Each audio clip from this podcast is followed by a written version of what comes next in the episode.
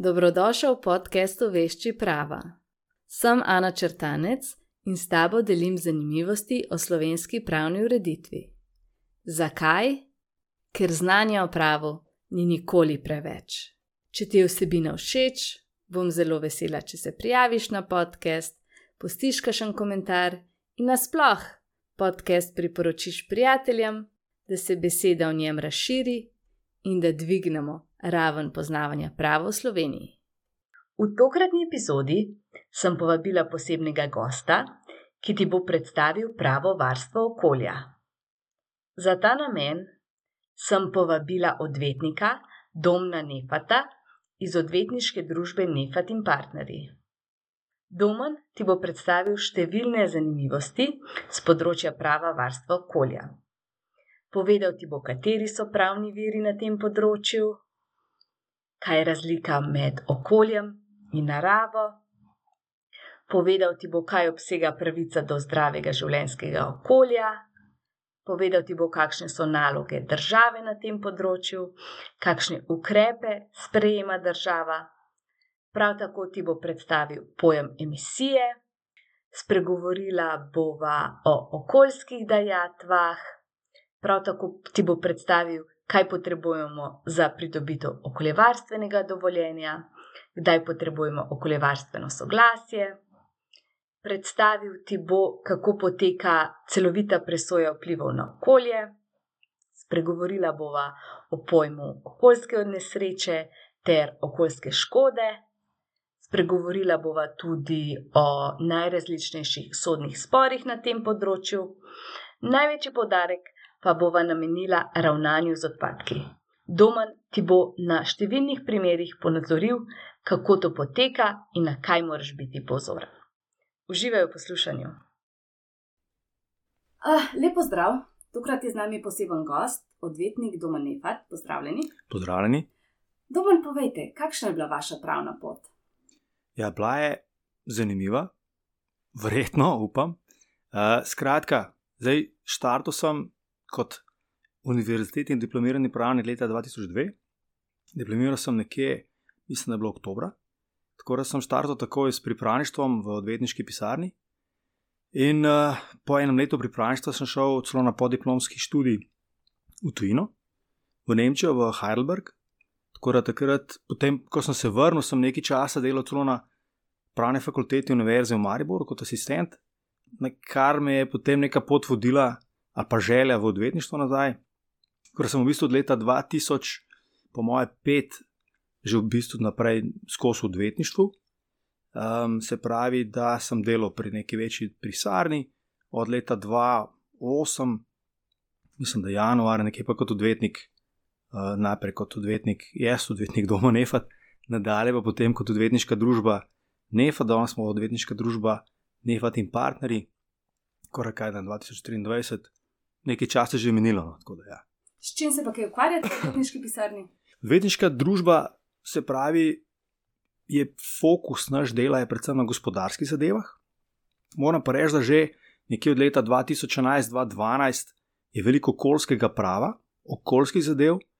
Um, tako da jaz sem se skozi, bi rekel, začetke, ki smo delali zadeve v zvezi z ravnanjem z odpadki, sem se predvsem začel spoznavati s tem področjem kar bo zdaj spet že dekar deset let pravzaprav tega. Tako da kar naprej pa redno tudi na tem področju. Sprav, če gledamo zdaj gospodarsko pomen, korporacijsko, nepremičnine, potem gradbene zadeve, avtorsko pravo, delovno pravo, pridejo zastopane na sodiščih v različnih zadevah, pač nisem samo pisaren, se večne. Uh, moje osebno področje je pa okoljsko pravo, gradbene zadeve, nepremičnine pa korporacijsko. No, to nekje imam fokus. Ja, kar široko področje je. Moram pa reči, da je enega malo več, enega malo manj, da to malo niha no, skozi neko obdobje, ampak tu nekje. No, in da sem vas povabila ravno zato, da se pogovoriva o pravo varstvo okolja. Mhm. Kaj sploh je to, kje je to pravno urejeno? Ja, pravo varstvo okolja je v bistvu ena zelo zanimiva veja, bom rekel, opravnega prava, če tako rečemo. Zakaj gre? Pravzaprav gre za varstvo okolja pred obremenjevanjem, pred obremenitvami človeka. Zdaj, kaj to pomeni? Človek kot tak funkcionira v okolju ali pa v naravi, če hočete. Ne? Zdaj, narava je po zakonu o varstvu okolja, kot ima definicije, širši pojem od okolja, ne?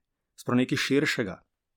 Zdaj, okolje pa pravzaprav, recimo, neko ožje, ožji del narave, kamor sega neko vpliv človeka v bistvu.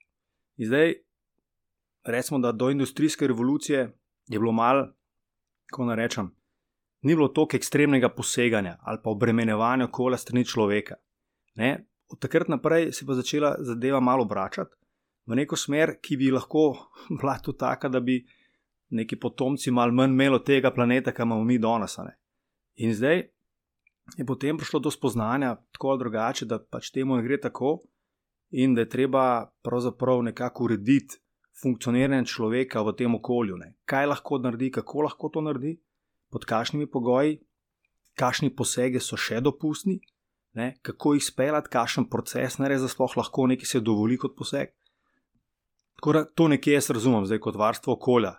Verjamem, da teorija ima različne tudi um, opredelitve. Kje pa to urejeno? Zdaj, veliko je mednarodnih konvencij, gre za um, se pravi konvencije, ki urejajo bolj se neko specifično področje ravnanja ali, ali nekih poseganja, ali pa neko bolj generalno usmerjanje, kaj in kako.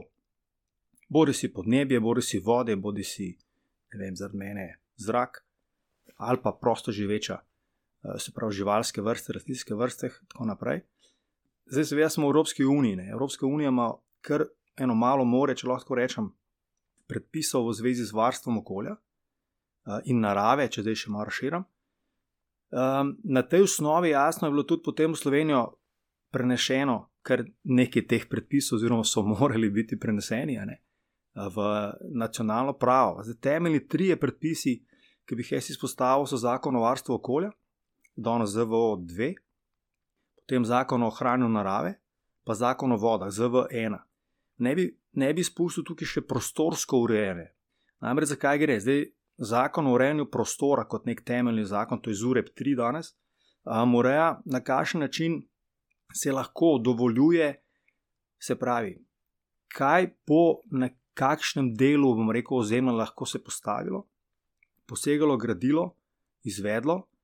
In te zadeve pravzaprav so tiste podlage, da se lahko potem dejansko nek objekt, gradba ali pa nek, nek infrastrukturna zadeva izvede. Brez tega se pravi podlage, kaj bomo lahko v prostoru naredili, niti ne moremo pa nadaljnega posega narediti.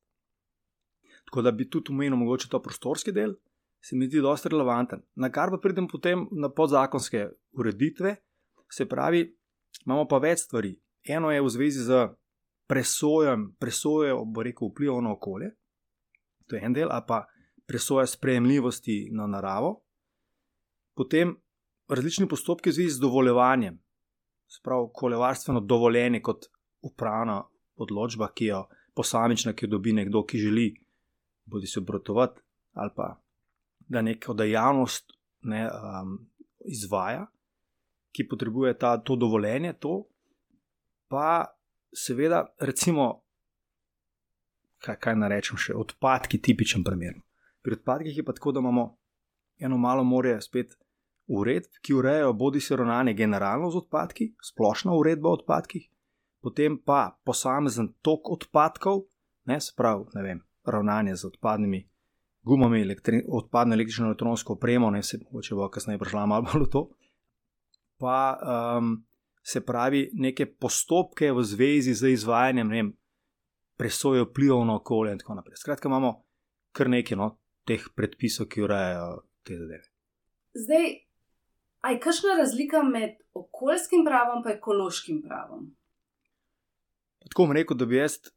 Da bi bilo formalno pravno tukaj urejeno, to bom rekel, da ne. ne. Ampak razumem, da je ekološko pravo malo širše kot samo, samega okoljskega prava, pa da je bolj v bistvu v tem smislu ekologijo kot nek širši pojem, ne samo okolje, ampak gre za kompletni ne vem, odnos do, do tega, kaj lahko pravzaprav človek počne v tem nekem okolju, ki je ekološko, ne se reče, pa ekološko, ne vem, naravnanost. Ne. Zdaj, okolje, sem rekel, prej že malo ožje kot narava, zdaj ekologija gori tudi naravo zajema, ne. tako da že tukaj imamo neko razliko. No. Da, mislim, da da je, da je to ekološko, mogoče bolj za kompletna stvar. No, vezana na neko ravnanje človeka v zvezi z tem okoljem, spet v širšem smislu, v katerem funkcioniramo.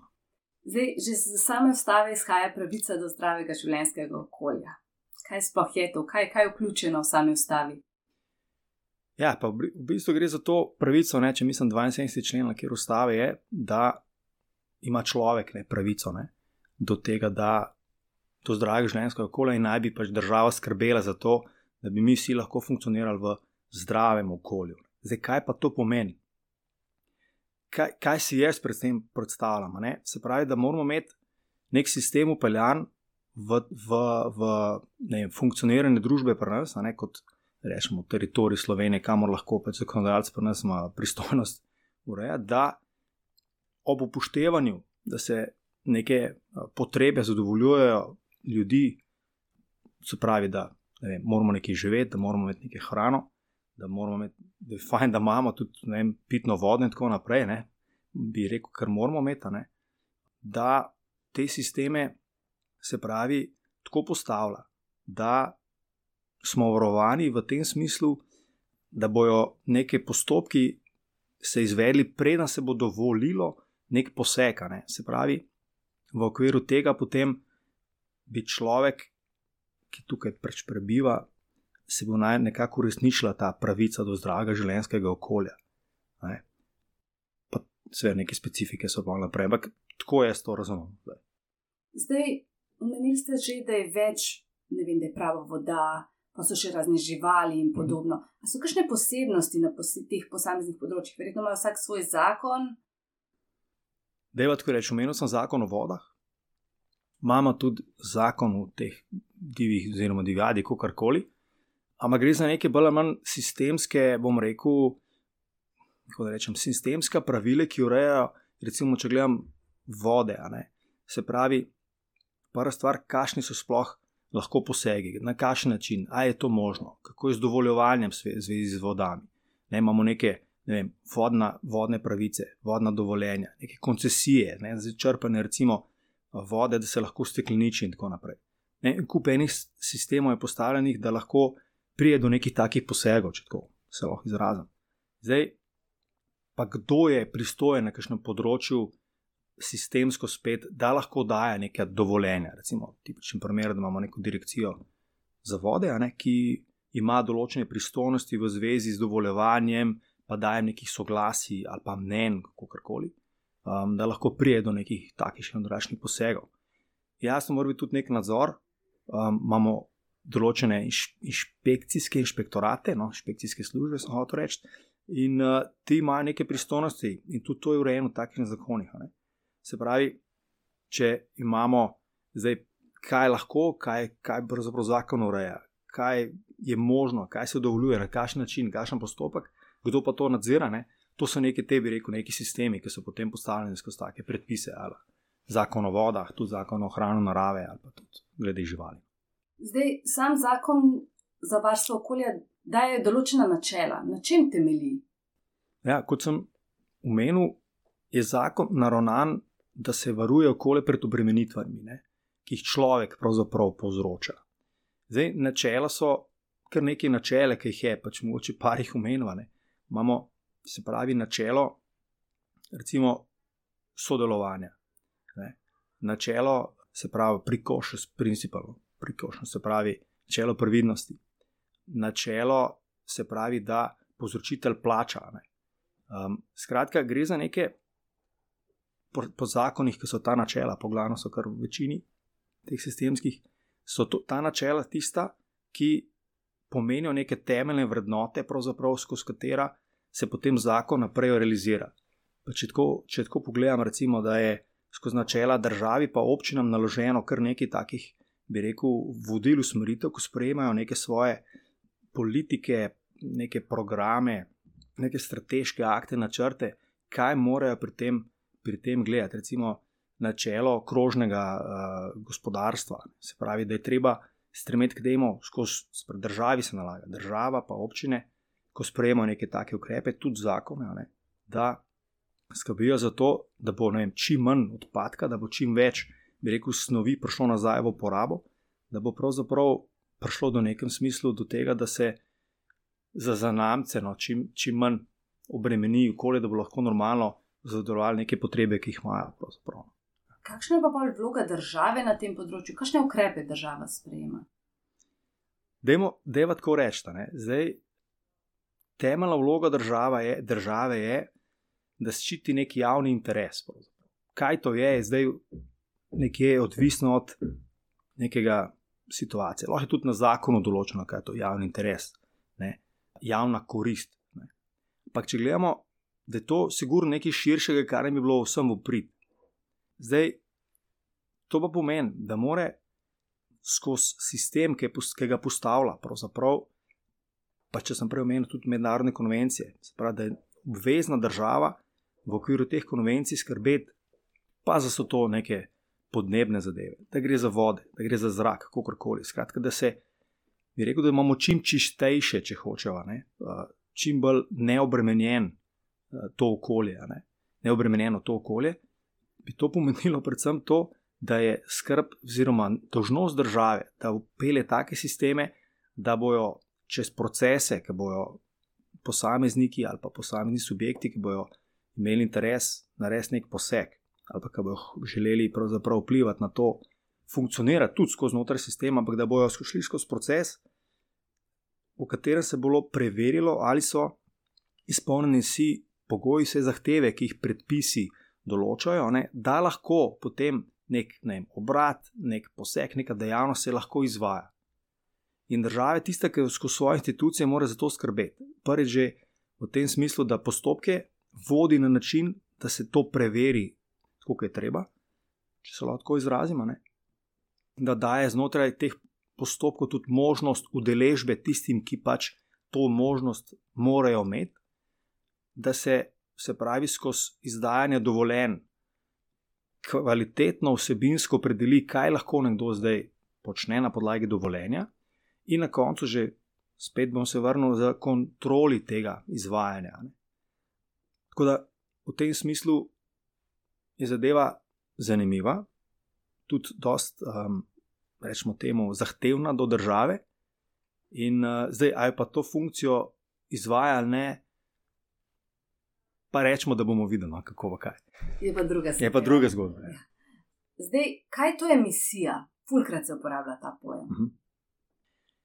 Misija je pravzaprav neko, bom rekel, oddajanje neke snovi, pa bodi si to lahko neposredno ali posredno, ali pa neke energije, pa je to lahko svetloba, toplota, lahko gre za um, hrup, se pravi, ali pa pač nek, nek drugo snov, da bi se oddajalo v okolje. To je emisija.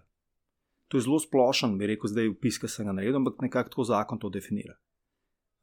Pa če si bolj plastično to pogledamo, ne? imamo nek obrat, ne vem, za pač neko proizvodno obrat, ki v končni fazi ima nek produkt zunaj. Pa recimo, da je to cementarna. Ne. Ta cementarna naprej mora funkcionirati skladno z nekim dovoljenjem, to je kolovarstveno dovoljenje. Tu gre za kompleksen sistem, ne, da lahko pravzaprav na koncu dobimo nek dobita, ki obratuje to, to, to cementarno, nek cement, nek produkt. No, ampak v okviru tega pridemo v neko tehniko, tehnologijo, ki je pa ključna, ki mora biti skozi pod nadzorom. Zakaj? Ker imamo neke emisije v okviru tega. Se pravi, spuščajo se neke snovi v zrak, lahko tudi v vode, ne vem, kako koli. In to treba nadzirati. Tega gre za pravzaprav monitoring ne, emisije snovi, se reče v vem, vode, v zrak, v tla, kako koli. Tako da to je tipičen primer emisije. Ni pa nujno, da je to edini. Tak, ampak lahko gre za, če sem prej rekel, svetlobno, onesnaževanje, to poznamo tudi s hrupom, ne? pa je lahko iz prometa to, lahko je to iz česar koli drugega. Recimo, da ste operater nekega kartodroma, ne? se pravi, da imate neko vem, tekmovalno um, stezo za, za neke kartinge ne? ali pa neke avtomobile. Ne? To je lahko močen hrup ne? za okolico. Zdaj je to je to prav ali ni prav, pa če postvarjate predpisov, meritev in tako naprej. Kako se pa zdaj določi te mejne vrednosti, do kere ne vem, si lahko dosti hrupen ali pa koliko vsega? No, zdaj, v začetku smo se pogovarjali, da obstajajo različni pravni veri. No, med drugim obstajajo tudi uredbe, ki urejajo, recimo, glede hrupa, spravo menjih in konečnih vrednostnih hrupa. Skratka, pa emisij, da gremo za emisije. Ne? In pač v uredbah so opredeljene te mejne vrednosti. Spravi, gre pa za to, seveda, kaj se meri. Ne? Hrup imamo neke decibele in tako naprej. Če imamo, uh, če imamo ne vem, rekel, neko snov, je lahko to v nekih ne miligramih na neko, neko ne vem, kubič, kubičen meter zraka ali kako koli, in vedno v nekem določenem času. Ne? Spravi, gre za neke vrednosti, spravi, če greva še v bolj konkretno, te nihajo lahko zaradi tega procesa, ki se tam dogaja. Tudi če imamo nek kartodrom, nek karting stazo, enkrat imamo tekme, pa je tam zelo hrupno, čez ne, pa pa lahko pet dni več hrupno. Ne. Zdaj, a to pomeni, da bom jaz gledal celoletno vrednost, ne, pa bom vse te meritve imel, ali bom gledal sam tist, na pol urno vrednost, ali bom gledal, ne hoče reči, da so to, to je v predpisi zelo jasno določeno. A pa mu rekel, bi moglo biti. Kako jasen je pol v praksi, se pokaže, da ni čist jasen, ali pa nekdo želi pokazati, da to ni jasno, pa da nekaj ni prav. Ampak bistveno je, da so to stvari, ki so, pa, pa naj bi bile zelo dobro urejene v podzakonskih predpisih. Zdaj, umenili ste že okoljevarstveno dovoljenje. Mhm. Kdo ga potrebuje, kako se v bistvu ga dobi? Okoljevarstveno dovoljenje je pravzaprav odločba, ki upravljalcu nekega, neke naprave ali pa nosilcu neke dejavnosti um, dovoljuje, da lahko to dejavnost izvaja, oziroma da lahko ta naprava na tak način funkcionira, kot je upisano v dovoljenju. Zakon, pravzaprav bi jaz, jaz bi skoraj rekel, da loči zakon na tri oblike teh dovoljenj. Eno je dovoljenje v zvezi z naprave, ki imajo industrijske emisije, eno je splošno za obrat, pa eno za dejavnosti. Kaj je bistveno, da imamo v okviru, eh, se pravi, podzakonskih predpisov, tudi uredbo, ki ureja, eh, se pravi, te bi rekel, naprave, ki povzročajo industrijske eh, emisije, in tam je tudi predpisano, se pravi, po nekih lastnostih, obsegih, eh, parametrih, kaj so, pomeni, da moramo imeti to večje, bomo rekel, okoljevarstveno dovoljenje. Se pravi, zakon o varstvu okolja pa točno predpisuje, kako se ga pridobi, kaj se mora biti izpolnjeno, kdo je pristojen, da ga izda, kdo so se stranke v postopku, se pravi, kako se ga lahko spremeni. Tako da, pravzaprav zadeve so, kar bi rekel, precizno, no, relativno precizno urejene, in uh, se pravi, da takšno dovoljenje potem omogoča, da točno na takšen način, kot je noter napisano v tem dovoljenju, lahko obratuje neka naprava oziroma se vrši neka dejavnost. Omenili ste že, da imamo v Sloveniji urejen sistem ravnanja z odpadki. Uh mhm. -huh. Na kakšen način je pa to urejen? Zdaj, urejeno je na. Pravi, viri so zelo različni, ali pa rekel so, v več verih je to urejeno, glede na, ko sem rekel, že štartno, um, splošno odpadkih, potem po posameznih tokovih odpadkov, ali pa po posameznih odpadkih. Pa če greva zdaj bolj opisno, ne? se pravi, prva stvar, kaj sploh je odpadek. Zdaj, zakon pravi, da je to snov ali predmet, ne, ki jo imetnik zavrže, namerava zavreči ali pa mora zavreči. Sprav zelo splošen opis je. To pomeni, da lahko vsaka snov na eni točki, ne, seveda, prije, da jo mi moramo, a pa bomo zavrgli ne, in postane odpadek. Recimo ta mikrofon, ne, če smo že kle pred, pred mikrofoni, zdaj v funkciji deluje, če se pokvari, se ga ne da popraviti, ga, treba, ga boste zavrgli, ne verjete. Ne? Tako da v bistvu pridemo, pol, pa, kam pa ga zdaj lahko vržem. A ga lahko dam kar v kontejner za mešane komunalne odpade, kam mogoče za embalažo. Bom rekel, ok, loga damo, sem to ne bilo prav, celo to narobe. Zato odpada, imamo posebna pravila, recimo ravnanja za odpadno električno in elektronsko opremo, kamor bi to po mojem oceni sodilo. Ne? Pri nas, konkretno v Ljubljani, je to tako, da se moramo odpeljati na center, na barje. Tam je več teh kontejnerov, eden je tudi saj eden za takšno odpadno električno in elektronsko opremo, kamor bi potem to vrgli. Kar pomeni, da imamo pravzaprav mešane komunalne odpadke ali pa komunalne odpadke, ki pravzaprav jih uh, za njih skrbijo izvajalci gospodarske javne službe. To pomeni, da je na ravni občine organiziran sistem zbiranja teh odpadkov. Sigurno poznamo zbirne centre, spravim, da vsaka občina ga praktično ima. In na teh, na teh zbirnih centrih je en del namenjen prav, temu, da komunalna podjetja ali pa izvajalci te gospodarske javne službe te izbrane odpadke, ki jih prepelajo, in od tam grejo naprej, glede na pravila ravnanja s temi odpadki. Um, en del je pa tudi ta, da lahko mi, kot občani, tja pripeljemo neke stvari. To se, to se nanaša na te gospodinske, bom rekel, neke bolj zadeve. Ne? Pa, če gremo zdaj še to sortiranje odpadkov, nekaj imamo na, na viru, se pravi, saj jaz poznam, da imamo steklo, ne, embalažo, papir, pa imamo mešane komunalne, pa biološke. Ne? In zdaj za vsak ta sklop odpadkov, ali pa to, ki ima specifično ravnanje, pa naprej, vse, ki so njihove karakteristike zelo različne.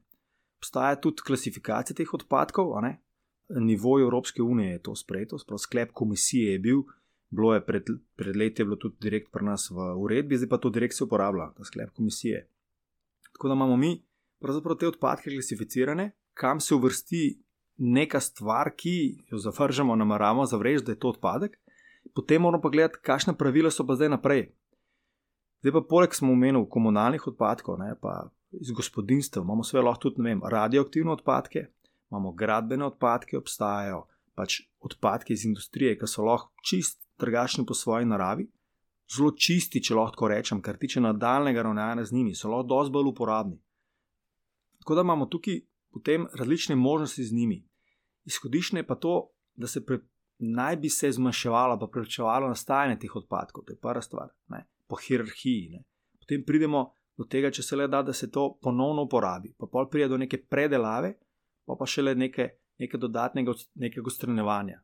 Stranevanje v smislu, da bi šlo za sežig odpadkov ali pa odlaganje odpadkov. Ne? To je neka skrajna zadeva. Ne? To odlaganje je zelo, zelo naj bi bilo zelo neželeno, oziroma naj bi se ga sploh ne več posluževalo, včasih je to skoraj se nadano. Kaj morajo pa podjetja na tem področju narediti? Imajo oni tudi kar precej obveznosti, ali?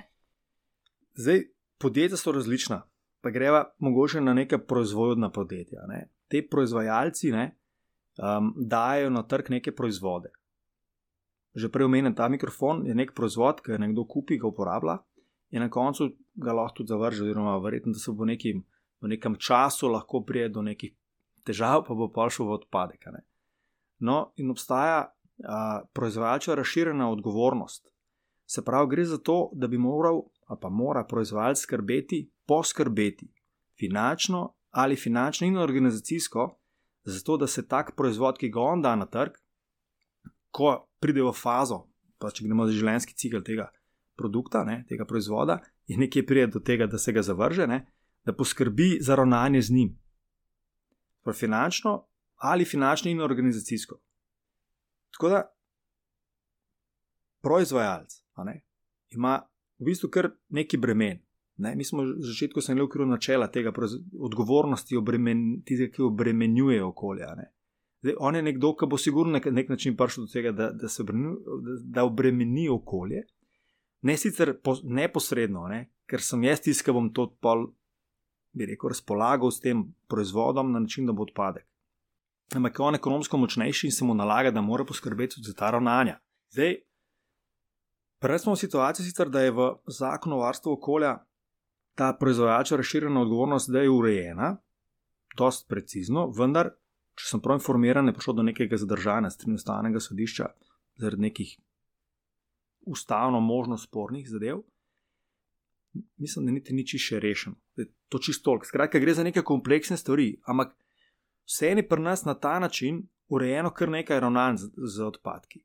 Pa imamo ta, na ta način so, je urejeno ravnanje z embalažo, pa odpadno embalažo, kjer imamo družbe za ravnanje z odpadno embalažo, ki pravzaprav po pogodbi lahko za takšne proizvajalce, trgovce, kot koli nekoga, ki pravzaprav ima neke količine odpadkov, embalaže, ne, ki jo ne da potem v nek tak zbirni center, pa izvajalcev gospodarske javne službe, ampak tej posebni družbi, ki mora poskrbeti za to, da se s to embalažo ustrezno ravna naprej.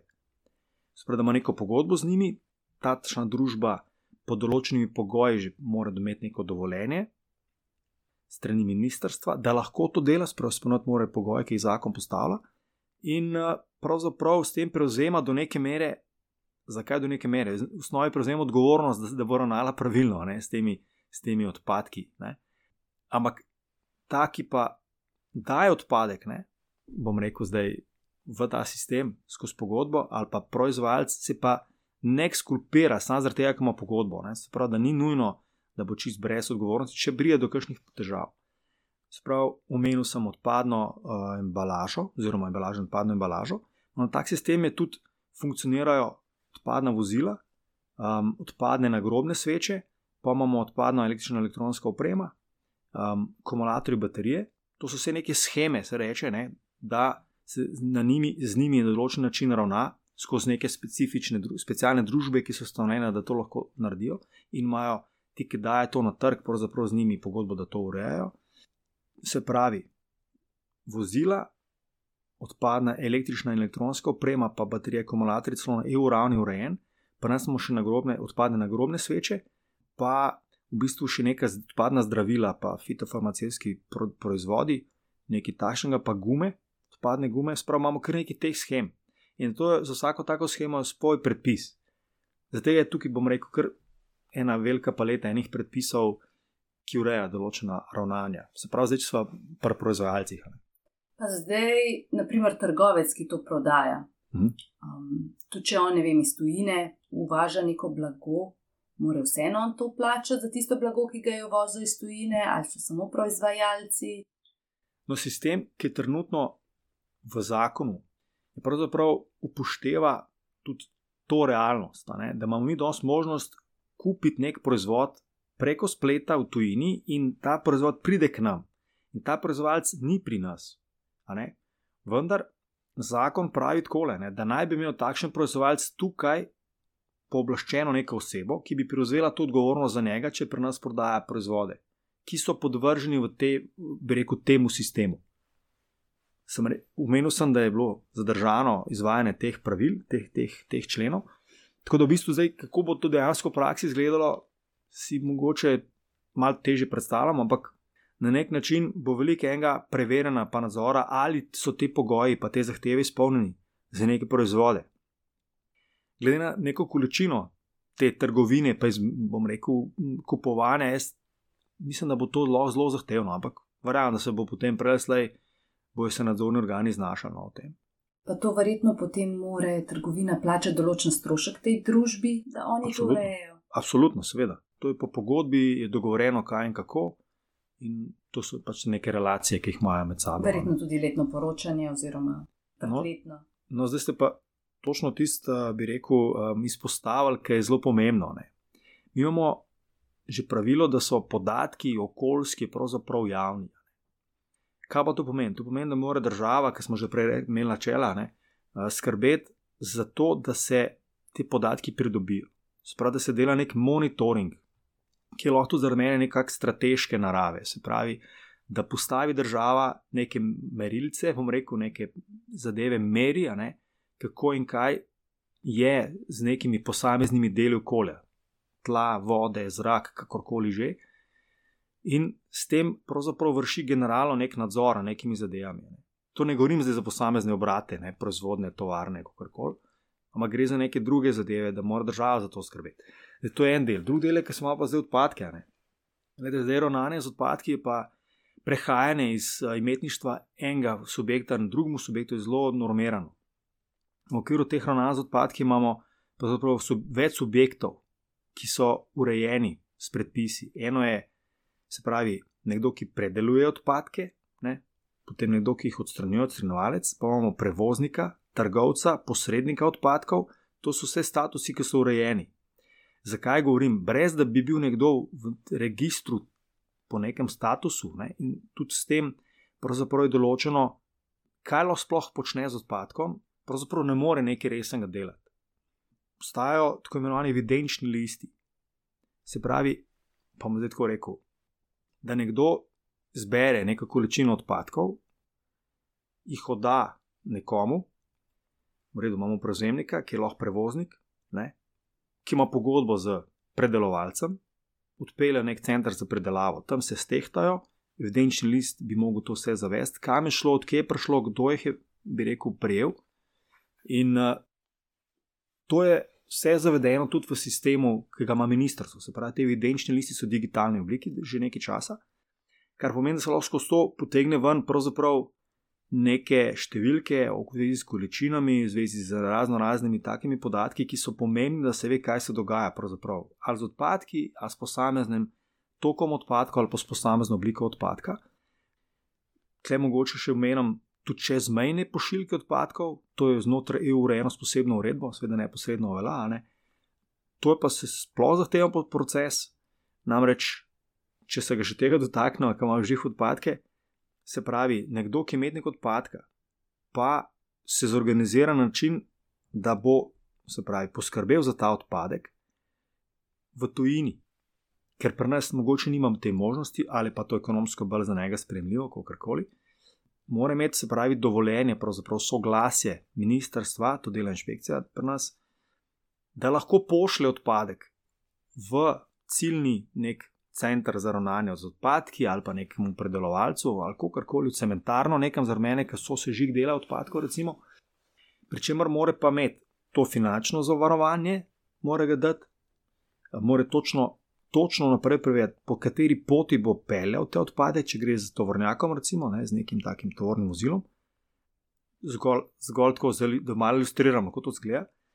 Če gre čez tretjo državo, ne, kje, čez kjer meni prihod, kam bo šla, ta pošiljka, kako bo šla, pa ne samo, da mora nas organ dati soglasje, to greš vse na ciljni organ ciljne države in tudi on mora dati soglasje.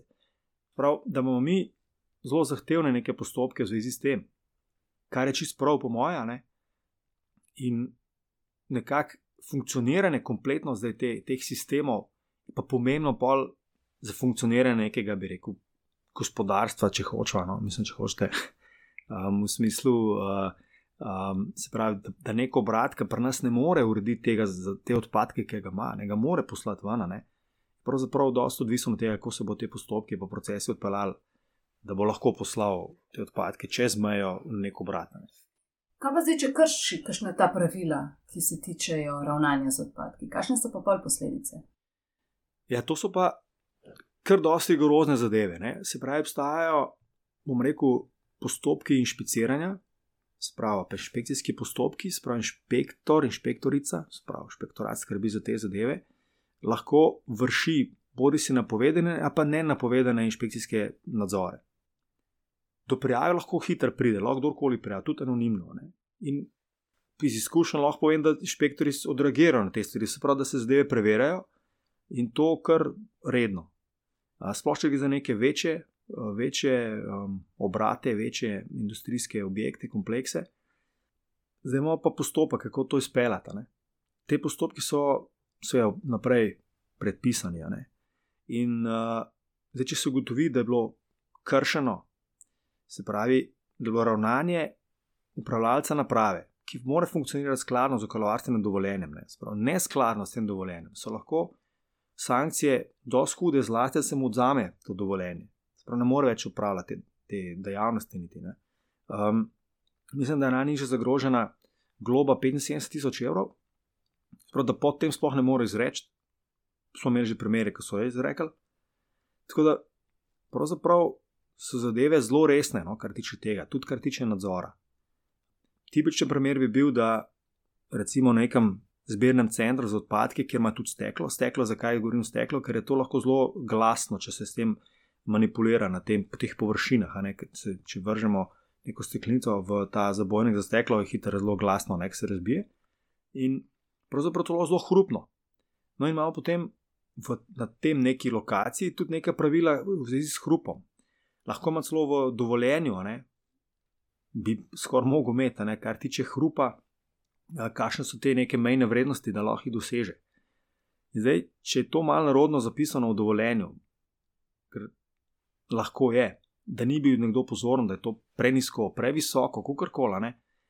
Pridemo potem v situacijo, da lahko inšpekcija nenapovedano gre kaj z merilci, nadzira, se pravi, kaj se dogaja, ko to manipulirajo s teklom, če so previsoke vrednosti, začne postopek za najprej seveda za prekršek, sankcije lahko tudi pol odzem dovoljenja. Ne. Tako da zadeve so kar zahtevne no, na, v praksi, pa v, na terenu. Zdaj, kakšne so pa posledice, če um, pride do okoljske nesreče? Kdaj sploh lahko pride do tega? Zdaj, nesrečen je tak nenadzorovan, ne, nenaden dogodek, ne, ki povzroči neko obremenitev okolja, ki je neugodna, lahko neugodna tudi za človeka ali pa za posamezne dele okolja, pa za vem, živalske, rastlinske vrste. Ne. Zdaj, nesreča je tukaj neka specifika, ko ne rečem, ker lahko zaradi narave neke dejavnosti, ki se izvaja v nekem obratu, bi se lahko predvidevalo, da bi lahko prišlo do nekih takih stvari. Tipično bi bilo recimo za neke kemijske zadeve, ne? sploh neka kemijska proizvodnja, veste, pride do nekih uhajanj, nekih zadev, neko vodo, to se skoraj ne da popraviti. A pa zelo težko. Že sem se pogovarjal nedavno nazaj, da bi se te kemijsko onesnaženje zelo zahtevno, da bi se to lahko rešilo. Kakšno drugo, bolj mehansko, če tako rečem, no, je nekako, nam reko, lažje, ampak, ampak je drug način, pa se da bolj to rešiti, kot kemijsko. Lahko kemijsko zelo dolgotrajno, ne moramo nič več narediti. No, in zdaj, kar tiče nesreč, se to lahko zgodi, zdaj treba pa pravilno odreagirati, takrat, ko se zgodijo. Tisto, ki se zgodi, treba to prijaviti, treba neke ukrepe speljati in tako naprej. To je hitro pa povezano tudi z nekim škodom, ne? okoljska škoda in tako naprej. Doskrat imamo tudi okoljske dejatve. Uh mhm. -huh. Kdo pa je to pravičen, da daje te dejatve?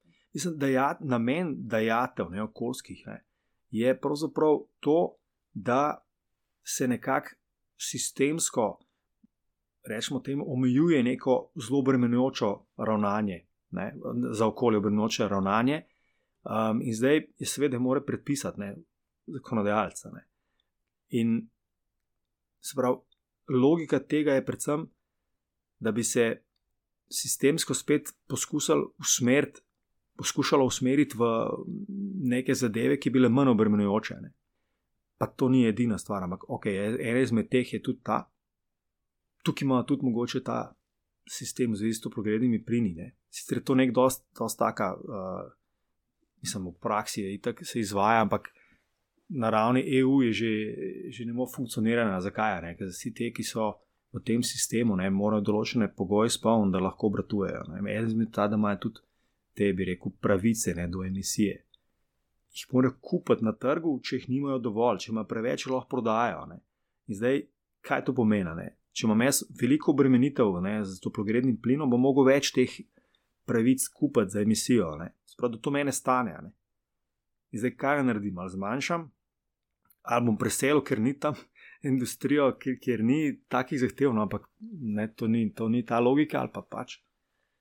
No, hočem reči, da je efekt prav teh zadev je ravno v tem, da naj bi se um, omogočilo neko trajnostno, no, trajnostno načelo trajnostne, trajnostnega razvoja, pa, pa se pravi, da se lahko naši potomci nekako imajo ne, tudi neki še, pom rekel, planeta ali pa okolje narave. No.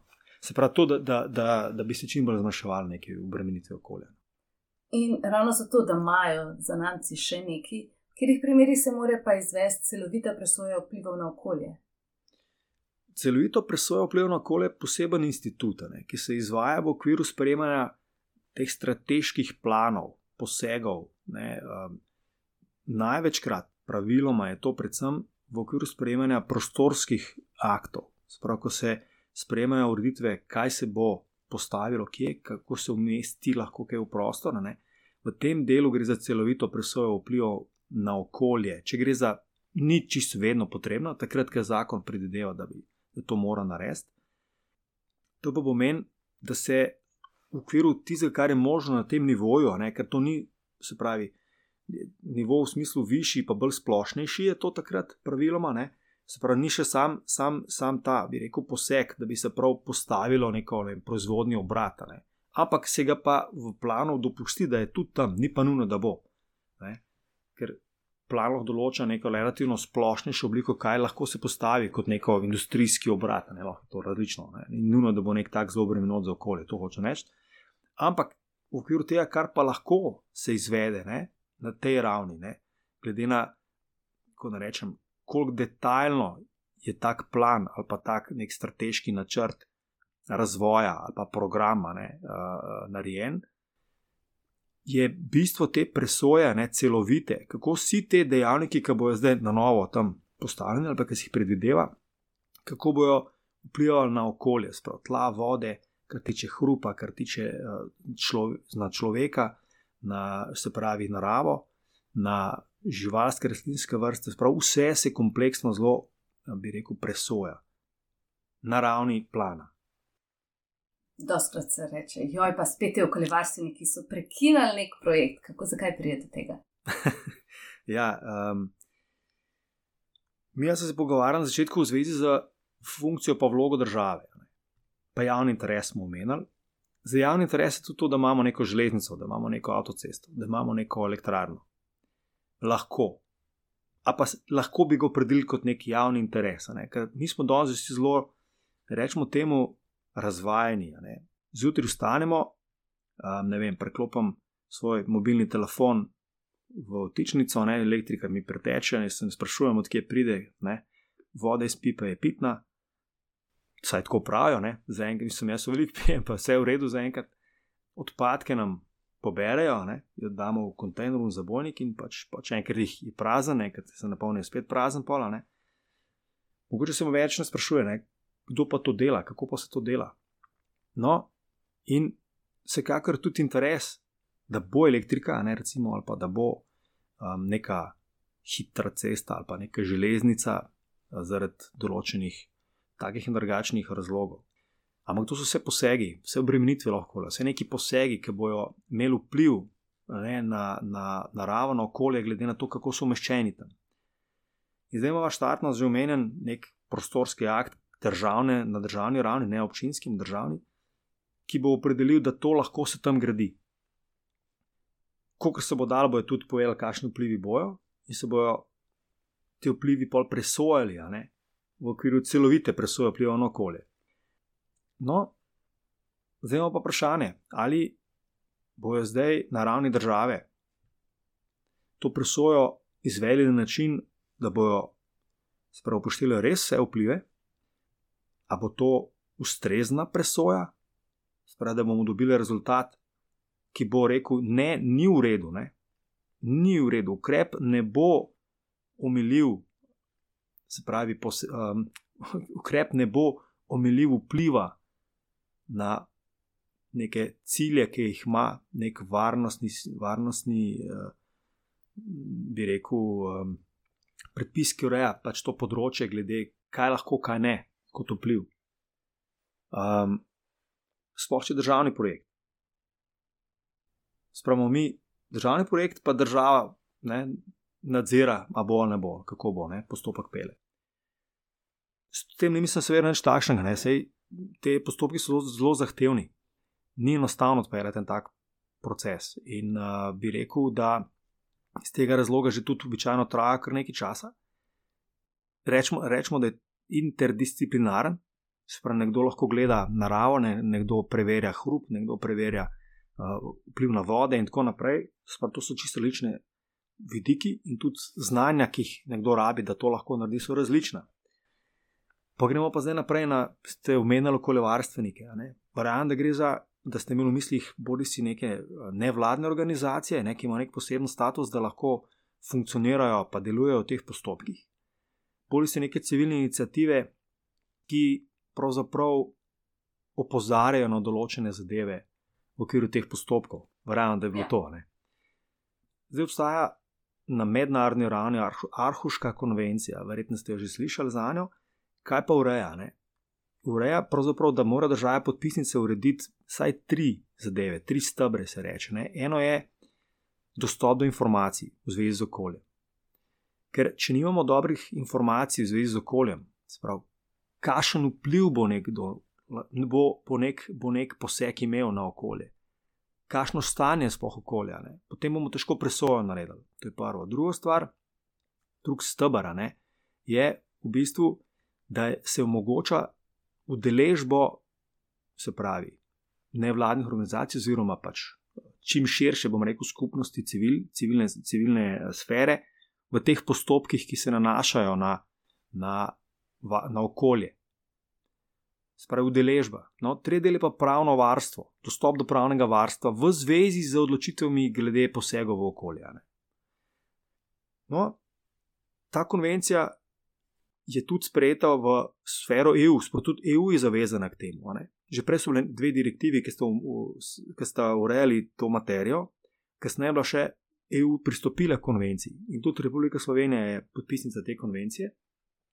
In tudi v naših predpisih so pravzaprav prilite te, te stebri, bom rekel, no? Sprav, da lahko določeni subjekti pod določenimi pogoji vstopajo v te postopke z namenom, da ščitijo javni interes. Prav, temu se reče zakonska fikcija, ali pa zakonska fikcija, da, da za svoj interes stopajo noter, ker delujejo v javnem interesu varstva okolja ali pa ohranjanja narave. In zdaj, prej sem že omenil, da pač lahko pride do nekih konfliktov interesov ne, v okviru teh, teh postopkov.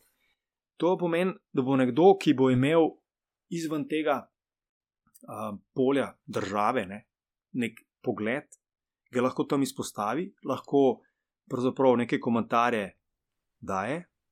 To je zdaj prvi del. Pa če gre za neke te procese, kako to zgleda. Se pravi, da na ravni sprejemanja nekih predpisov, že, ne, je to treba preobjaviti, da se lahko zainteresirana javnost za to, pa javnost seznani in tudi daje neke pripombe na to. To je prva stvar. Lahko je zakon, lahko je uredba, kakorkoli. Druga stvar je pa, če gremo na posamezne, posamične akte, kot je že omenjeno, okoljevarstveno dovoljenje ali pa okoljevarstveno soglasje. No, v tem postopku gre pa za posamezen, presojo posameznega posega, oziroma dovoljevanje posameznega posega, ne, ne zdaj na tej strateški, neki programski ravni, politični, ampak konkretno, jaz, kot bi želel postaviti vem, elektrarno ali pa obrat za ne vem, kakšno predelavo odpadkov, recimo sežigalnico, ne, ker vidim, da lahko, ne vem, je to gospodarsko smiselno za mene. Ne. In moram kup enih zadev izpolniti. Med drugim, variant je prišel v ta dovoljenje za industrijske emisije, se pravi, da gre za naprave z industrijskimi emisijami, celovito preprečevanje, pa nadzorovanje um, se pravi, uh, emisij. Pravzaprav. In v okviru tega je pa proces tako predviden, da lahko uh, se, se pravi, nevladne organizacije s posebnim statusom, da delujejo v, v javnem interesu z področja varstva okolja in hrane narave, priglasijo postopek in imajo status stranskega udeleženca. To meni procesno, da imajo, pravzaprav so lahko seznane kompletno s celotno zadevo, s pisom, z, vem, z vsem, kar je v spisu, lahko dajo neke predloge, vloge, um, svoje videnje v zvezi s tem, predvsem pa lahko se tudi pritožijo oziroma vložijo pravna sredstva zoper neke končne odločitve ali pa tudi vmes z neki procesnimi sklepi, recimo, če pač je pritožba dovoljena.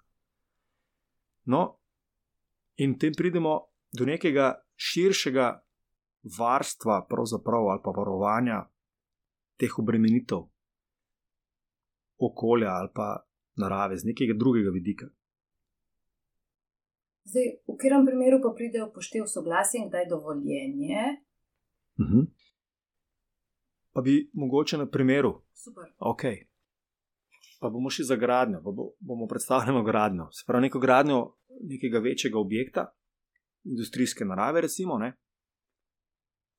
Prej so imeli celovito presojo vplivov na okolje in ta se izvaja v okviru teh strateških planov, aktov, prostorskih in tako naprej, ureditev. Mi imamo pa tukaj ste omenili soglasje. Okoljevarstveno soglasje je pa pravzaprav upravna odločba, ki se zdaj v okviru postopka presoje vplivov na okolje za posamezen poseg. Se pravi, imamo nek objekt, ki bi raje zgradili, rabimo gradbeno dovoljenje. Gradbeni zakon pravi, da če gre za objekte z vplivom na okolje, moramo pridobiti integralno gradbeno dovoljenje. To gradbeno dovoljenje je pa takšno, da v en postopek pravzaprav daje dve zadevi. Ena je presoja vpliva na okolje in pa postopek za izdajo gradbenega dovoljenja. Zdaj, presoja vpliva na okolje pomeni presoja kom kompletnih, se pravi, vplivov, ki so možni in bi lahko ne, Eh, negativno, ta, ta poseg bi lahko negativno vplival na, na okolje, um, da se presoja v takem postopku. Se pravi, želim graditi na nekem, na nekem območju, ne vem, neko, pa rečemo elektrarno. Ta elektrarna je zanimiv, bi rekel, poseg, vezano na prehodnost določenih vem, vodnih organizmov in tako naprej.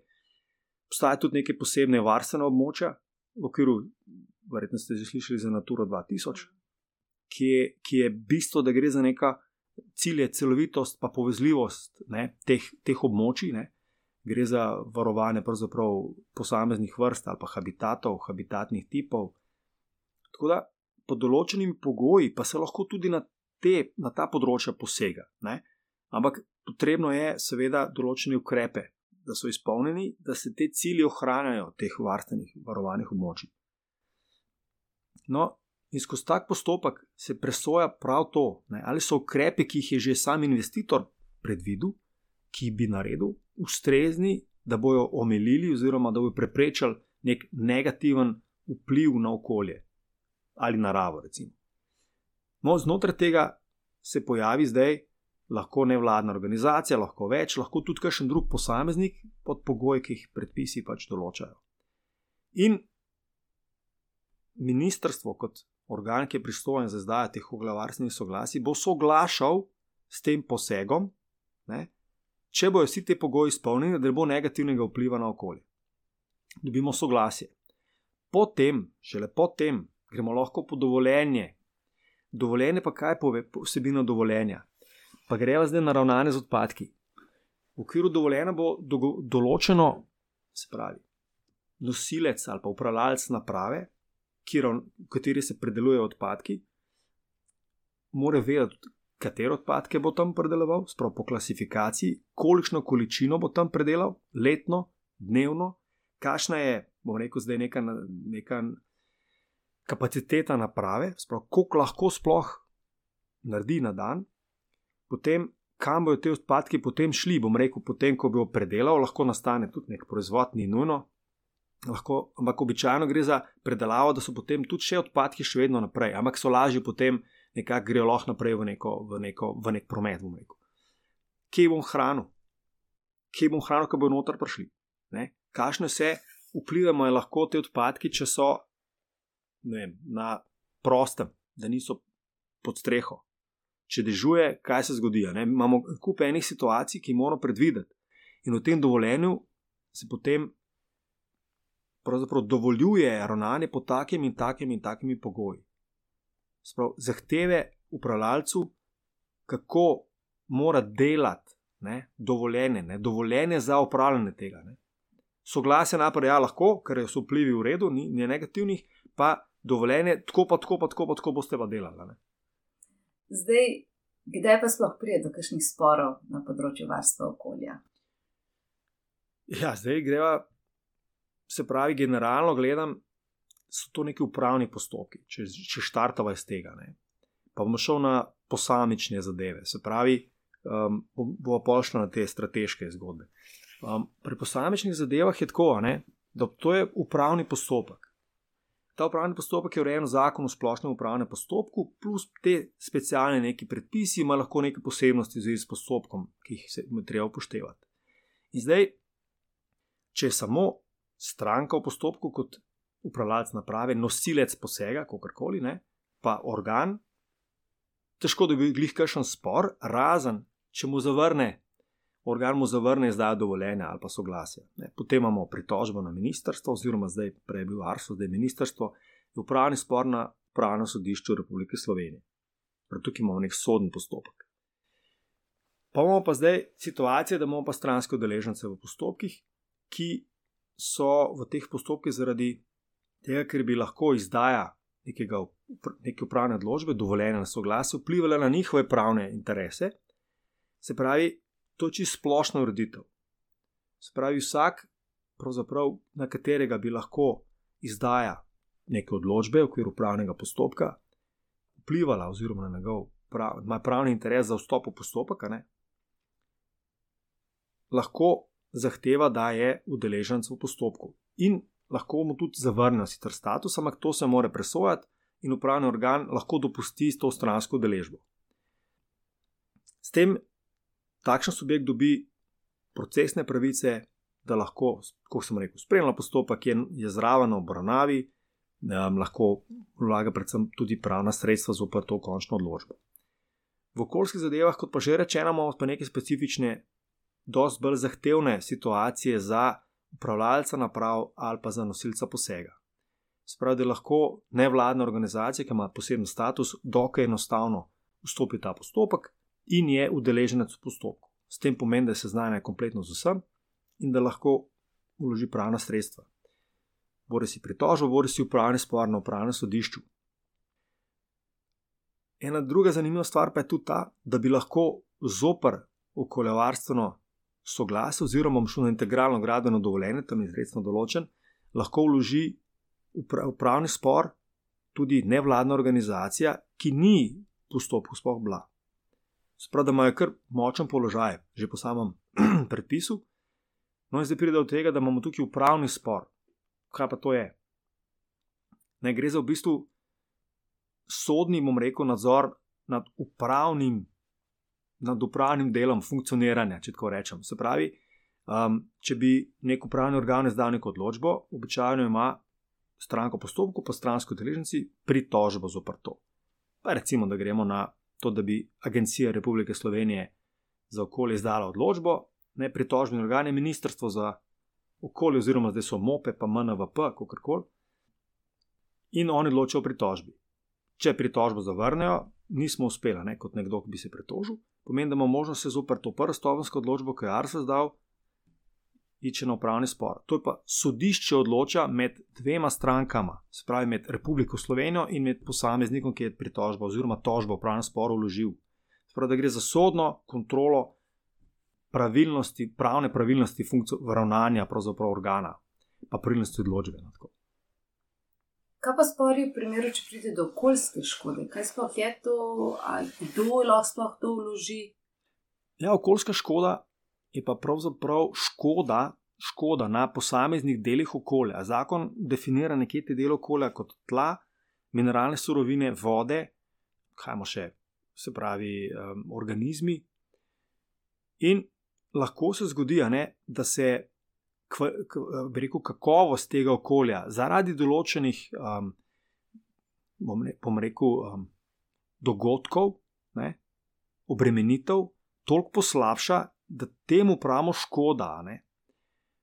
Pa greva na recimo na vode, da pride do neke porušene kemijske, biološke, kako koli um, sestave nekega, neke vode, to je jezero, je to ne lahko reka, kako koli, lahko tudi tla, da so bom rekel, nesnažene z nečem, ker je pač nek proizvodni obrat pač imel neko nerodnost ali pa kako koli se je zgodilo, da je prišlo do tega, da je zaradi tega se uh, kvaliteta tega dela okolja pravzaprav tako poslabšala, glede na neke spet predpise, ki določajo, kaj pa je zdaj tista spremljiva še kvaliteta, ne? po nekih snoveh, ki so v tem, ali pa po nekih. Um, bom rekel, nekih, sprav, po nekih kriterijih, no, to če rečemo, ki so lahko tudi čist različni, kaj je zdaj um, sprejemljivo stanje, pa kaj je zdaj porušeno. In tako naprej. Tudi možnost neke ne vem, obnovitve, ohranitve in to so neke te kriterije. V nekem delu tudi, da lahko to vpliva na človeka, tudi to je možno. Ne? To je zdaj okoljska škoda. Zdaj, kaj, kaj je potem bistveno naprej, ne? če gledamo zdaj to okoljsko škodo? da povzročitelj ne, je zavezan, da sprejme ukrepe za najprej preprečitev, itak, ne, da sploh ne nastane, ampak če pa že, da sanira okoljsko škodo. In obstaja posebna tudi na nivoju EU eh, predpis, direktiva, ki ureja v bistvu te ukrepe za sanacijo in tudi prenos uredba. V praksi pa to tako, ne, da prva stvar je, da je treba vedeti, da je prišlo do neke situacije, ki bi lahko rezultirala v okoljski škodi ne vem, zgodilo se je, nekaj stvari, ki so bili po medijih že objavljene. Ne? In uh, dobro, nekatere so lahko zelo um, hitro zaznavne, nek požar, ne? ali pa da iztiri nek flak s kerozinom, pa se to razlije in tako naprej. To ne more nikdo skriti. Verjamem pa, da obstaja tudi kakšna situacija, ki pa jo za nalaž ne bo ne, tako izvedena, da ne bom ben videl. Ne? In pa tudi ne moramo reagirati, ne, ne moramo naložiti, kdo je pa zdaj odgovoren. Ne? ne, kdo more, lastnik zemljišča, je to vem, občina, je to država, kako koli. Hočem reči, da, da je sistem potem nekako um, gre, gre naprej, potem, uh, kdo pa to zdaj more urediti. Ne? Če je prišlo do okoljske škode, kdo jo more sanirati. Ne? Če ne vemo, kdo je, kdo je dejansko povzročitelj tega. Pa obstaja tudi kazenska odgovornost, če se ugotovi, kdo je to odgovoren. Obstaja, seveda.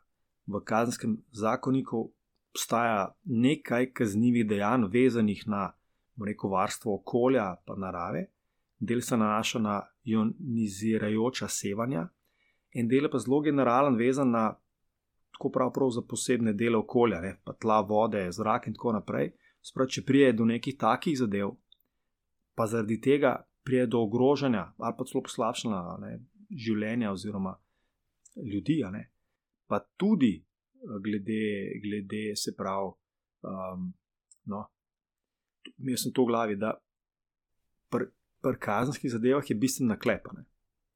Zdaj, naklep pomeni neko voljni odnos do tega, kar sem naredil. Sprav želim, hočem to in bom to tudi naredil, in vem, da bo taka posledica v tem smislu. No, zelo enostavno. Se pravi, da je v teh primerih, um, se pravi, nekdo je namenoma ne, nekaj naredil, da je prišlo do, se pravi, uničenja okolja, obr, take obremenitve ne, in, in uh, rekel s tem, s tem porušanja pravzaprav kvalitete teh posameznih delov okolja. Sprav, da se pač zadeva, ne, ni več tam živih organizmov, ne, hočem reči, ne gre za neke resne zadeve. Zakon kazenski pa pravi tudi iz malomarnosti je to možno. Je to pa zdaj, zdaj smo pa pravzaprav v situaciji, ki je, ki je lahko zelo zahtevna, če se to nekomu zgodi, um, ki je upravljalec nekega obrata, ne, ki ima emisije, dopustne, ker je dovoljeno, ima okoljarstveno dovoljenje, znotraj tega funkcionira, in pride do neke nezgode, če rečem, um, so nekega slučaja, situacije, ki pa rezultira tudi v tem, da je bilo obremenjeno okolje bolj, kot bi bilo možno, in slotko, da pridemo do vprašanja, je kdo kazensko odgovoren. Ne? No, in potem, seveda, je bil kdo malomaren, da do tega prišlo, sprav da ni vem, zaradi mene. Um, da niso bili vsi ukrepi v zvezi z nadzorom, kako funkcionira nek, nek industrijski obrat, da ni bil servisiran, da ni bil ne vem kaj pregledan, da ni bilo ne vem česa, ne, že nekaj časa in tako naprej. Mislim, to so pa zelo zahtevne stvari, ampak ja, če se zdaj vrnemo tega, seveda, ja, kazenski zakonik vsebuje tudi kazniva dejanja v zvezi s tem področjem. Hvala za ta pogovor. Hvala vam za povabilo. Z veseljem.